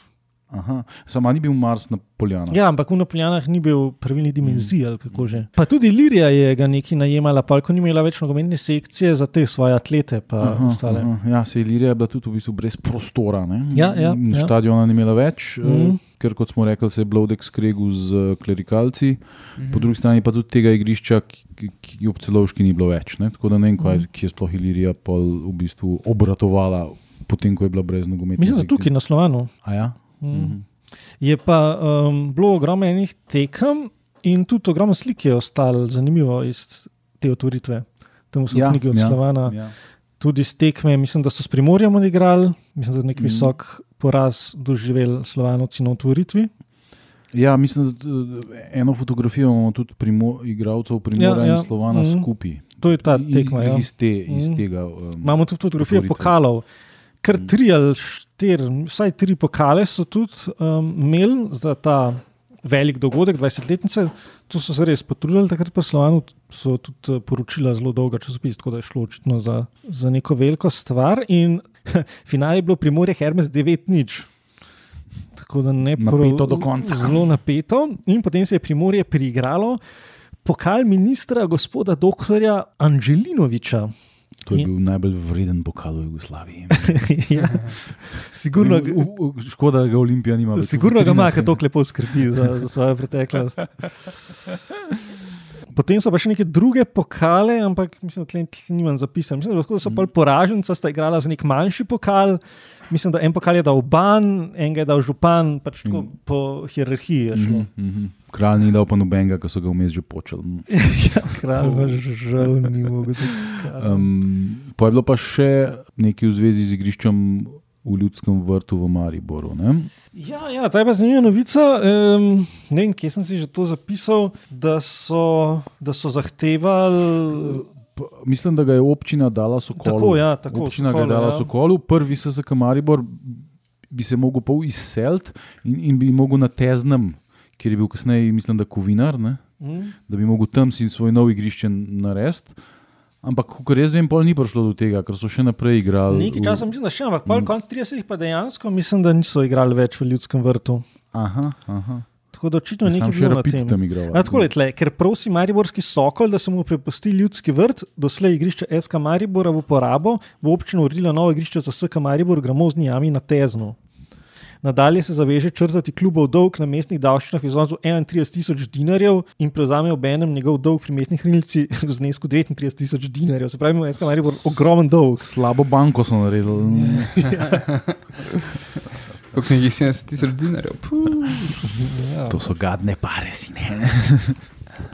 Zdaj pa še zadnje igrišče, se je na brzino, je pa Jadran. Aha. Jadran otvoril nedeljo 23. septembra ob 4. uri popovdne s prvenstveno tekmo SK Jadrana in SK Marsa, novo športno igrišče. Pred tekmo igrajo rezerve imenovanih klubov.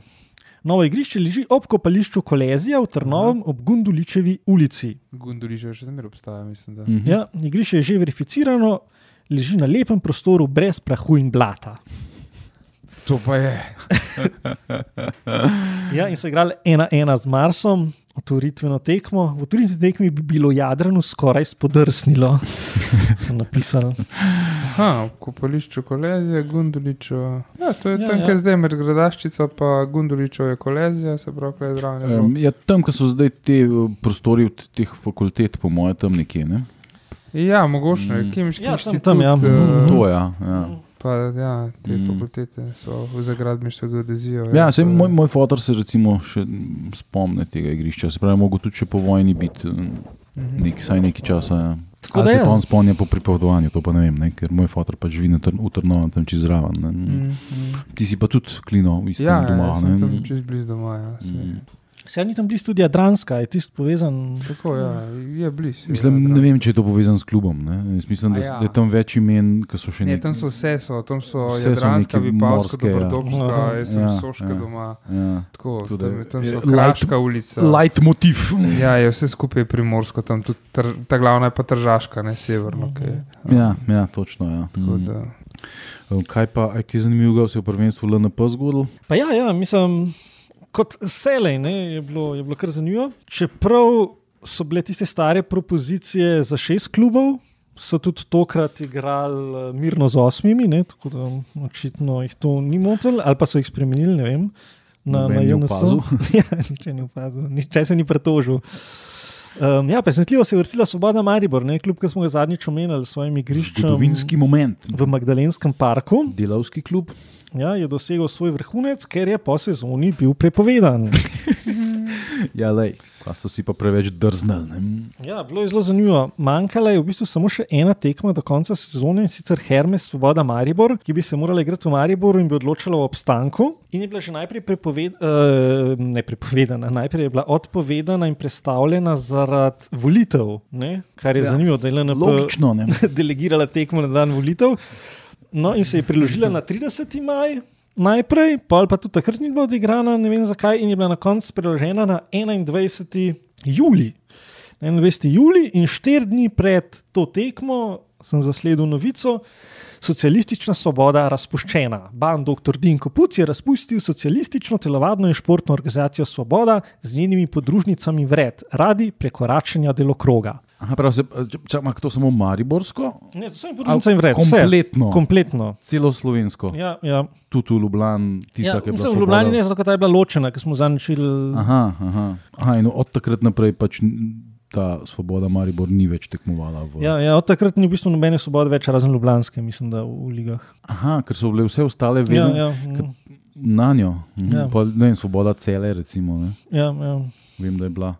Cele. Mislim, da so cele že prej nehali. ampak Ja. Mm. Tako da ja, te tekme ni bilo in je Hermes obstal. V bistvu Hermes celo pol prehitev še, še nekoga. In tako le bom kar lestvico prebral. Oziroma najprej bom prebral, da bo bolj zanimivo. Tretji Rapid, četrti ČSK Čakovec, peti prvi SSK Maribor, šesti Hermes, sedmo Celje in osma Svoboda. Za naslov sta se pa borila spet Ilirija in Železničar. Mariborski železničar. Tako, tako. V bistvu že drugo sezono podobno kot prej. In kar je tudi zabavno, verjetno je bil v jutru, ali pa skoraj sigurno, isti novinar na tekmi, ker je dal enak naslov članku. Naslov članka je bil Ilirija, železničar, remis.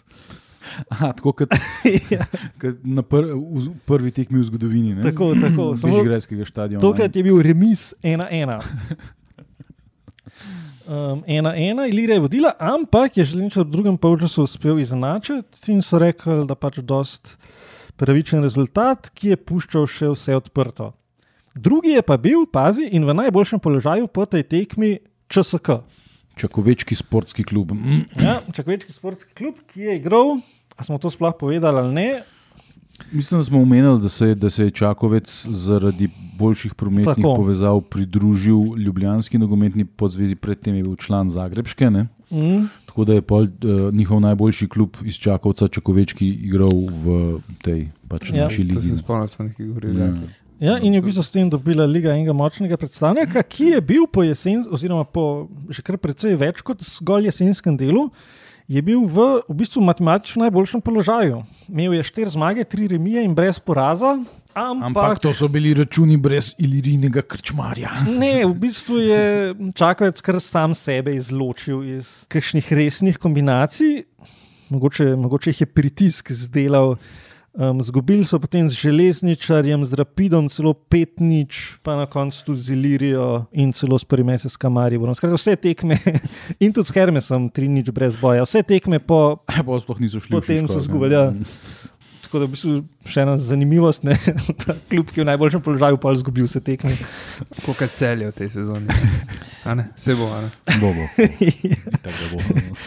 In je potem na koncu odločala celo gol, gol, gol količnik je odločil. Ilirija in Želenčar sta imela namreč 22 točk in Ilirija je imela boljši gol količnik. In je v bistvu zmago si zagotovila na zadnji svoji tekmi proti Rapidu, ki jo je zmagala s 4 proti 1. In to bi v bistvu pomenilo, da bi Ilirija pol v naslednji sezoni lahko sodelovala v nacionalni ligi. Ali... To je bilo 35, da bi sodelovala in tudi je sodelovala v grupah 35 jeseni novih. Aha, po nacionalni Ja. ligi.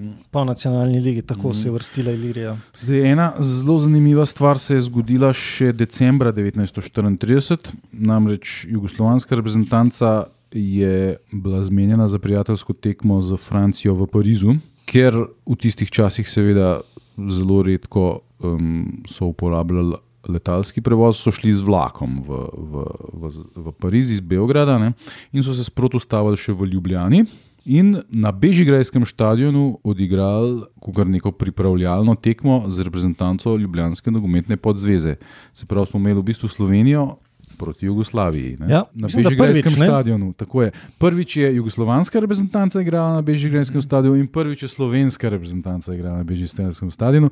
S tem, da ta slovenska reprezentanca je bila sestavljena iz igralcev Ilirije in Primorja samo. Ne. Štirje so bili iz Ilirije, pa sedem iz Primorja. Ja, tukaj se zelo vidi ne, in z nacionalno ligo in s temi skupinami, da se je kvaliteta zelo ločila.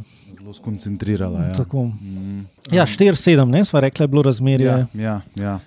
Zdaj jaz bom samo tle zelo na hitro prebral nekaj o, o najavi te tekme. Zgodilo se je, kakor ob vseh velikih dogodkih, spočetka samo naslučevanja in preuranjene govorice, potem je stvar poprijemala bolj konkretne oblike.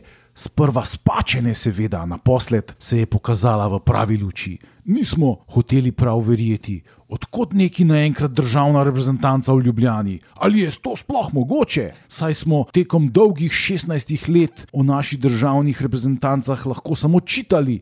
Le nekaj stotin je včasih romalo v Zagreb, da so gledali srečanja naše državne čete z državnimi moštvi drugih narodov. No, zdaj pa kar v Ljubljani, doma. Um, ja, tako da. Um, No, ampak to se tudi kaže, koliko so ljubedni. Um, Glede na to, da je bila država Srbov, Hrvatov in Slovencev dolg časa, da niti ene prijateljske tekme v 16 letih. Ni bilo Ljubljana. Ja. Mm. Zanimivo je, da je slovenska reprezentanca, se pravi reprezentanca LNP, igrala v belo-zelenih drevesih. Ja, ja, zanimivo. Ja. Tradicionalno. Ja, ja. Rezultat je bil 3-0 za Jugoslovane, uh -huh. um, s tem, da so vse gole šele v drugem polčasu. Ja, jaz sem bral poročilo, zelo hvalijo časopisi naše reprezentance. Da je bila zelo borbena. Dosegla boljši rezultat pričakovanja in tudi, da je zelo se pač prikazala v neki pozitivni luči. Zlasti obramba. Obramba kdo je bil svetic, pa mislim, da Bertoncel, pa Slamič. Slamiča najbolj hvalijo kot, no, bi rekli, libera oziroma srednjega krilca. Ja, sej bom jaz kar prebral našo, se pravi slovensko postavo. Mhm. postavo. V golu je bil starc od Primorja, ne?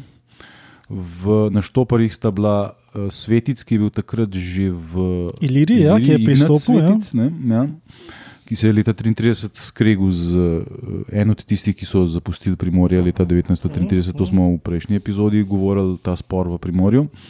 Ta drugi je bil um, Stane Bertoncel, se pravi, ki je bil včasih igral za prvi SSK Maribor, potem pa je prek um, spodnjega kašlja pristopil v Primorje.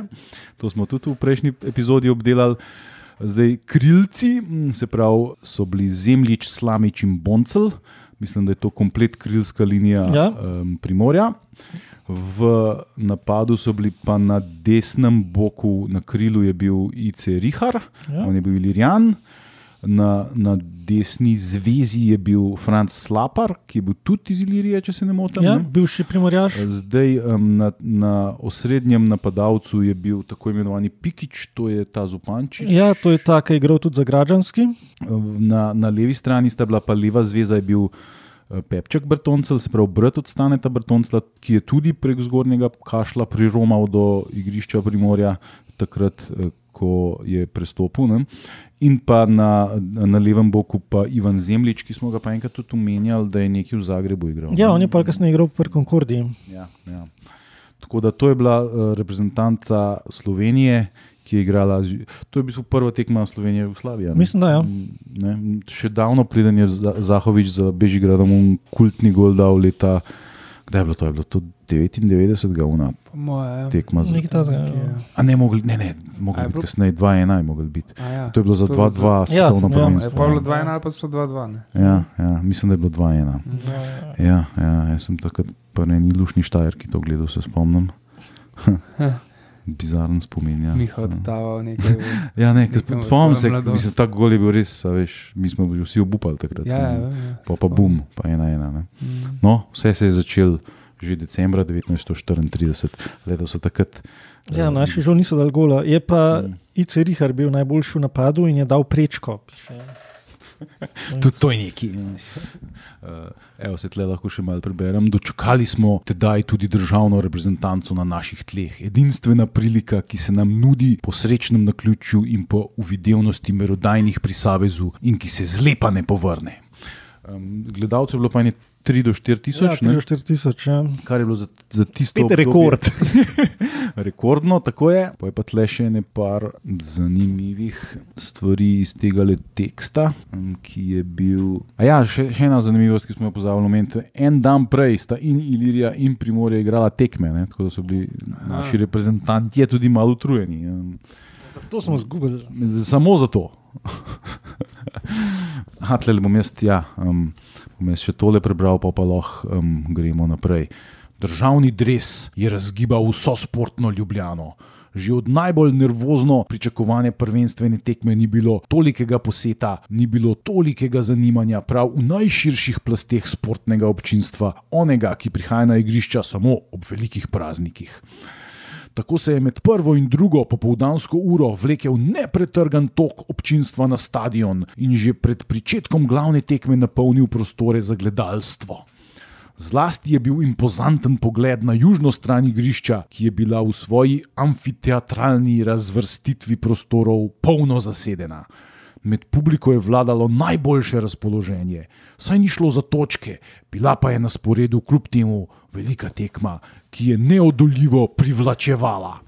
Povsod je bilo slišati ugibanja, koliko jih bodo dali našim, kako se bodo naši držali. O pozitivnem uspehu domačega moštva seveda ni moglo biti govora, saj so imeli naši fantje za protivnika izbrano državno četo, ki je na potu v velike mednarodne borbe.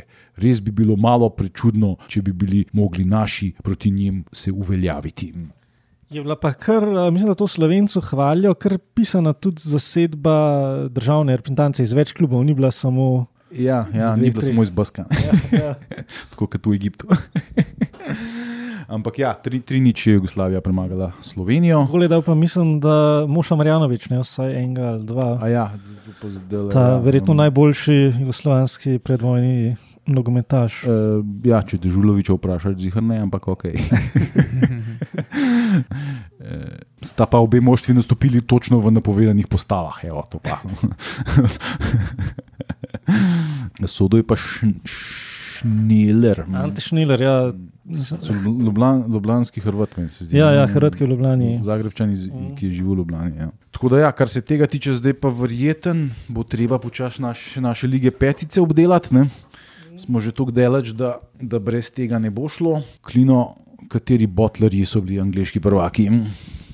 Ko, to nam zihar ni bil. Ampak Angliški prvaki, leta 34. ali, v bistvu 35, 35. v sezoni 34-35. Ne vem.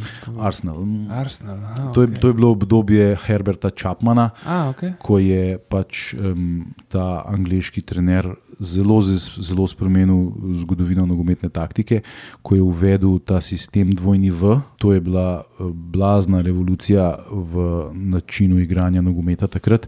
Um, zdaj, jaz sem že malo pozabil, če je bila forma, ampak mislim, da je šlo predvsem za to, da je srednjega krilca potegnil nazaj dol v obrambo. Ne, neka taka, Ja, srednji krilce pa sta v Libero, ja, to Ja, sigurno. ja. Pa mislim, da so se tudi te spojke so se malo bolj dol Mal, potegnile mal sredino, nižji. Ja. Zdaj, če koga zanima zgodovina uh, nogometne taktike, naj si prebere od Jonathana Wilsona Inverting the Pyramid, kjer je to zelo natančno popisano in, in zelo veliko tudi o, o tem, kaj je Herbert Chapman naredil prav v tem obdobju, ki ga zdaj le obravnavamo. Ne. Se pravi, v angleški ligi je bil prvak uh, Arsenal, drugi je bil Sunderland, tretji je bil Sheffield Wednesday, četrti Wow, je bil Wednesday. Manchester City, peti je bil pa veliki Grimsby Town. Grimsby Town. Tako je. To je tako dobro, se taka imena tam gor. že. No, Uh, no. Liverpool je bil sedmi, Mhm. Everton je bil osmi, Chelsea je bil dvanajsti, izpadla sta pa Leicester in Tottenham. Se pravi, Arsenal je bil prvi, Tottenham pa zadnji. ne, To, to je bil pa dobra sezona za Arsenal. In za Canka. Ja, definitivno. Oni, oni praznujejo tako, ko se jim to tringem, da je nekaj tazga. Vsako leto, Um, ko je Arsenal, sigurno, ko a, Mm. si Arsenal zagotovi, da bo nad Tottenhamom, imajo oni Ja. prav svoj dan. Tako je. Ja. Um, no, Manchester United in Newcastle United, dva danes zelo bogata kluba, ki se spogledujeta z vrhom lestvice, sta bila takrat v drugi ligi. Ja. Zdaj pa, ker vem, da vas vse zanima, Millwall je bil pa v Third Division South. Mm. To so, to, takrat so pa se rodili ti. No one likes us, huligani. we don't care. um, v FA pokal je osvojil Sheffield Wednesday, premagal je West Bromwich Albion na Wembleyju 4-2 pred 93.204 gledalci. To je bila v enem tudi zadnja velika titula Sheffield Wednesday leta A. 1935. tako je. Ja, Naslednjo taka, trofejo, pa ne FA Cup, ne, FA Cup je to zadnjič, ko so ga osvojili. Mhm. Naslednjo trofejo je bila, je bil njihov, njihova je bila Liga Kup leta 91.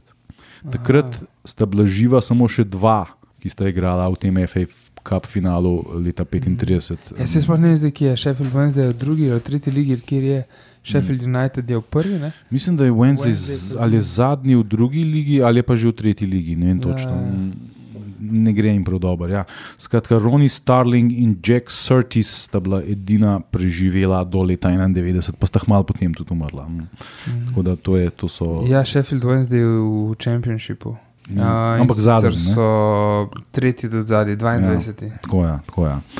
Um, no, mm, a si še hotel kaj reči? Ne. A Ja, ne, da si tako. Samo pogledujem, kaj imaš še pripravljeno. Vzdihuješ, ko, vidiš, ko si videl, da je Juventus bil italijanski prvak.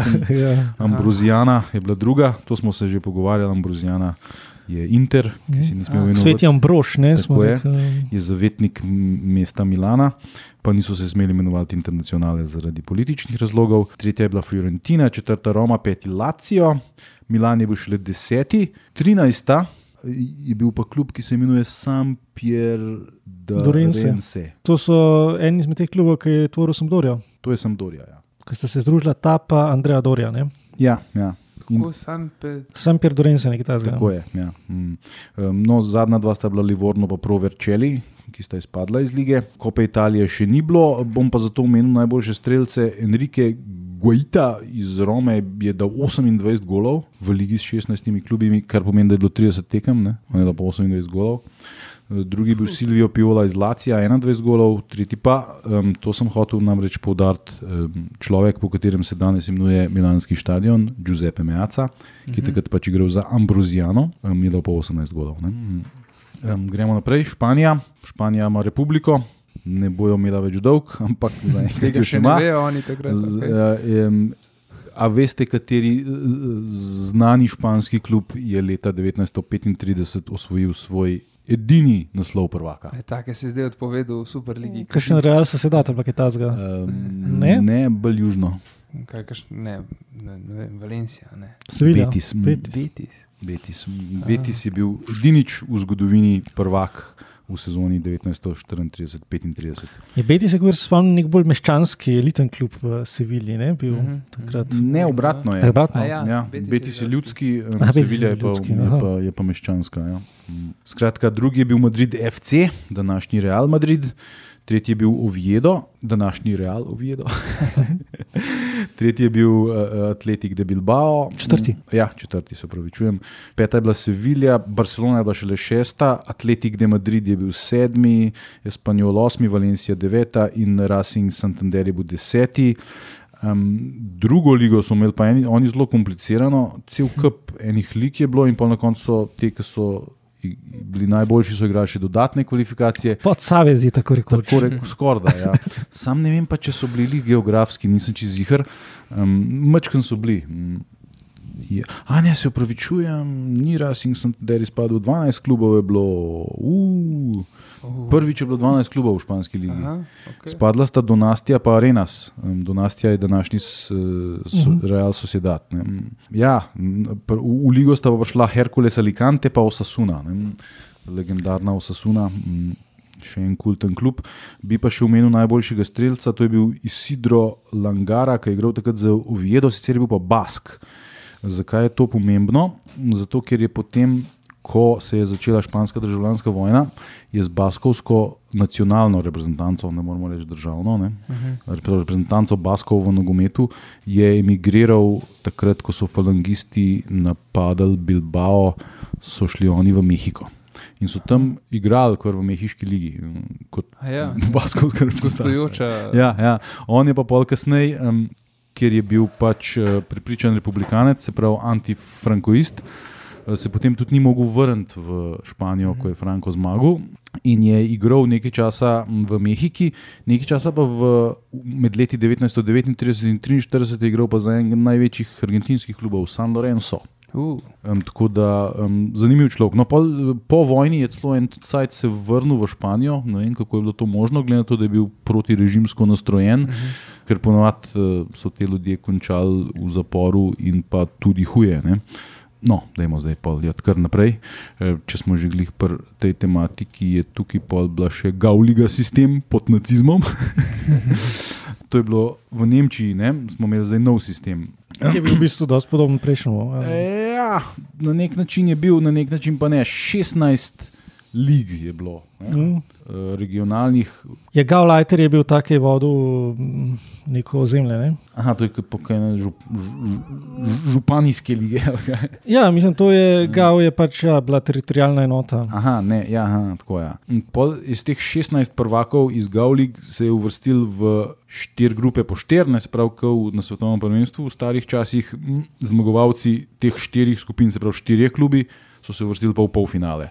To so bili pa Študgard, pa Benrad Dieseldorf, to je nek klub, ki še danes obstaja in je danes Benrad Dieseldorf nastopal v šesti ligi v Nemčiji. Drugi polfinalni par je bil pa Šalke, pa PSV Čemnic, to je pa policaj Sportverein iz Čemnica, pravi, um, ki pa tudi še danes obstaja, um, sicer verjeten z, z malo um, drugačnimi političnimi prepričanji, vsaj upam. Um, No, skratka, Študgard je premagal Benrad 4-2, Šalke je premagal policaj Sportsverein eh, iz Kemnica s 3-2 v finalu na Müngersdorfer stadionu v Kelnu.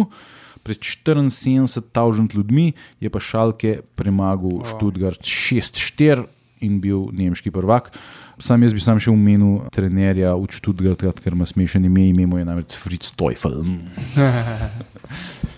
hudič to pomeni po nemščini. Ja, Teufel, ja. V Franciji smo imeli že tretjo sezono profesionalne nacionalne lige. Prvič je imela 16 klubov, se pravi, so malo povečali število klubov v um, prvi profesionalni ligi. Zdaj, prvak je bil Sošo, to je bil um, prvi od dveh naslovov tega kluba ena zanimivost te sezone je pa, da od teh 16 klubov, ki so takrat tvorili prvo ligo, dan danes v prvi ligi igrajo samo še trije. To so Štrasburg, ki je bil drugi, Olimpik de Marseille, ki je bil deveti, in pa Ren, ki je bil deseti. Um, vsi ostali klubi so pa ali bili na novo ustanovljeni, ali so že propadli, ali pa igrajo v nižjih ligah. Um, zdaj, če gremo po vrsti, se pravi, Sošo je bil prvi, danes igra v tretji ligi in je tik pred bankrotom. Uh, Štrasburg sem že omenil, je bil drugi, danes je nažalost v krempljih zelo nesposobnega Čelsijevega lastnika, ki ga bo imel za neko B ekipo, ampak je pa prvo ligaš trenutno. Tretji je bil Racing Club de Paris, um, zelo slaven pariški klub, za katerega je, če se ne motim, navijal tudi Albert Camus. Racing Club trenutno igra v četrti ligi, četrti je bil Set, ki je propadel. Lansko leto, julija, na njegovem pogorišču je pa zrasel nov klub, Sporting Club Setois peti je bil Kan, se pravi znan po filmskem festivalu, ki danes nastopa na petoligaškem nivoju, šesti je bil Mulez, ki prav tako nastopa na petoligaškem nivoju, sedmi je bil Olimpik Lillois, ki je leta 1944 postal en od dveh klubov, ki sta se združila v današnji Lil. Osmi je bil Excelsior Rubé, ki je tudi že propadu, se pravi 9 in 10, sta bila Marseille in Ren, dva kluba, ki sta že danes v prvi ligi. 11 je bil FIV, to je bil drugi klub, ki je leta 1944 tvoril uh, današnji Lille OSC. 12 je bil Red Star de Paris, osebno moj najljubši francoski klub, ki trenutno nastopa v uh, tretji francoski ligi. 13 je bil Olympique Allais, ki trenutno nastopa v peti ligi. 14 je bil Antibes ki trenutno nastopa v 8. ligi. 15 je bil en zelo zanimiv klub Sport Olympique Montpellier, se pravi um, predhodnik današnjega Montpellierja. Ni pa to čist popolnoma isti klub, ker današnji klub je nastal leta 1974 z neko združitvijo.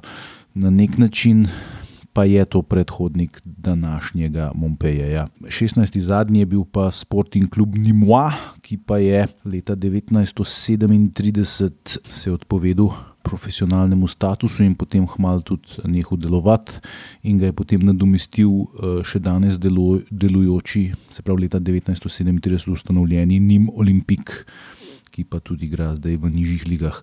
Iz uh, druge lige sta pa prišla v tisti sezoni potem Metz in Valencien.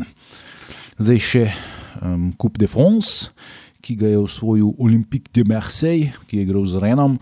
Se pravi, dva od treh klubov, ki še danes igrata v prvi ligi, sta se srečala tudi v finalu francoskega pokala. Na kultnem stadionu Kolomb v Parizu se je zbralo 40 tisoč gledalcev, ki so torej videli gladko zmago Marsejčanov. Za nje je bil to že četrti naslov v Coupe de France. Tako da to je, kar se lig petice tiče. Petica bila v bistvu ena od petih, bi mogla biti mačarska liga. ne? Ja, Ja, sej, ja. ko si že pri Mačarih, jaz sem si zapisal dejansko, kakšna sreča. Um, prvak Mačarske lige je Ujpešt. Mm, To je, skoraj bi si upal trditi, drugi največji mačarski klub dan danes, ali pa vsaj tretji. Mogoče ne kar se tiče rezultatov, sigurno pa kar se tiče nekega ogleda, podpore, gledanosti. Ja, to, to, oni so ti um, vijoličasti nasprotniki zelenega Ferenca. Tako, tako. Glavni v bistvu nasprotnik Ferenc Varoša, ki ima cel kup naslovov, ne vem, okrog 20 ali še več. Kje je zdaj Ujpeš? Ujpešt, ja. A tudi ali kaj? Ja, ja.